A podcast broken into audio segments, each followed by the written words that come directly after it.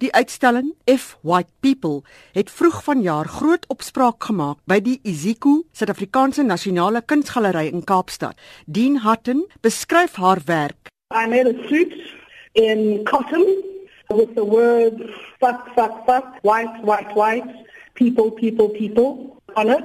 It deliberately reads in different ways alternatively to fuck white people or white people fuck white people or people fuck white. Die Suid-Afrikaanse onafhanklike kunskrywer Johan Meiburg sê die doel van alle kunswerke is om te ontstel, om mense te laat nadink. En dan kan mense op die ou einde ook nog sê, maar is dit die beste wat die kunstenaar kon doen? Ja, ek het die werk gesien. Dit is antagoniserend, dit is uitdagend, maar ek weet nie of dit verskriklik meer as dit gaan doen nie. Dit is so half die kenmerk van baie werk wat ons deesdae sien dat dit jou in die maag slaan, maar wat dan Hatten, 'n kunststudent, het die werk as deel van haar meestersgraad verhandeling by die Michaelis Kunstskool aan die Universiteit van Kaapstad gemaak. Wat wou sy met die kuns kommunikeer?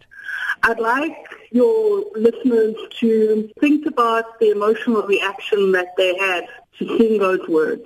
And then to imagine what it would be like to live in a society in which the opposite was really true. In the ways in which black people and brown people have been treated for hundreds of years. And to imagine living that moment, that discomfort every day. 'n Klein groepie mans in T-hemde van die politieke party, die Cape Party, het die uitstalling verbloem met 'n slagspreuk op wat wees lief vir jou bure gelees het. Die leier, Jack Miller, het die slagspreuk F the Whites as haatspraak geïnterpreteer en dit na die gelykheidshof geneem. Volgens hom is die uitspraak 'n terugslag vir rasseverhoudings. We're absolutely shocked by the ruling. The statement F white people has got to be the most straightforward example of hate speech and discrimination on the basis of race. I mean, it's three words. The first one is a verb, and the other two is a collective noun. The verb is an obscene profanity, and the next two words are a collective noun defining an ethnic group. I don't think you get a more simple example of text that's hate speech.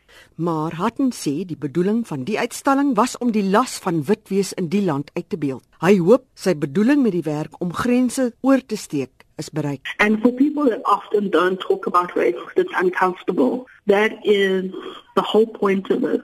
Nothing's going to change without talking. Pretending that everything is all right is literal insanity. And that people need to start listening to young people, in particular young black students who have lived and are living this right now. It's a real mistake.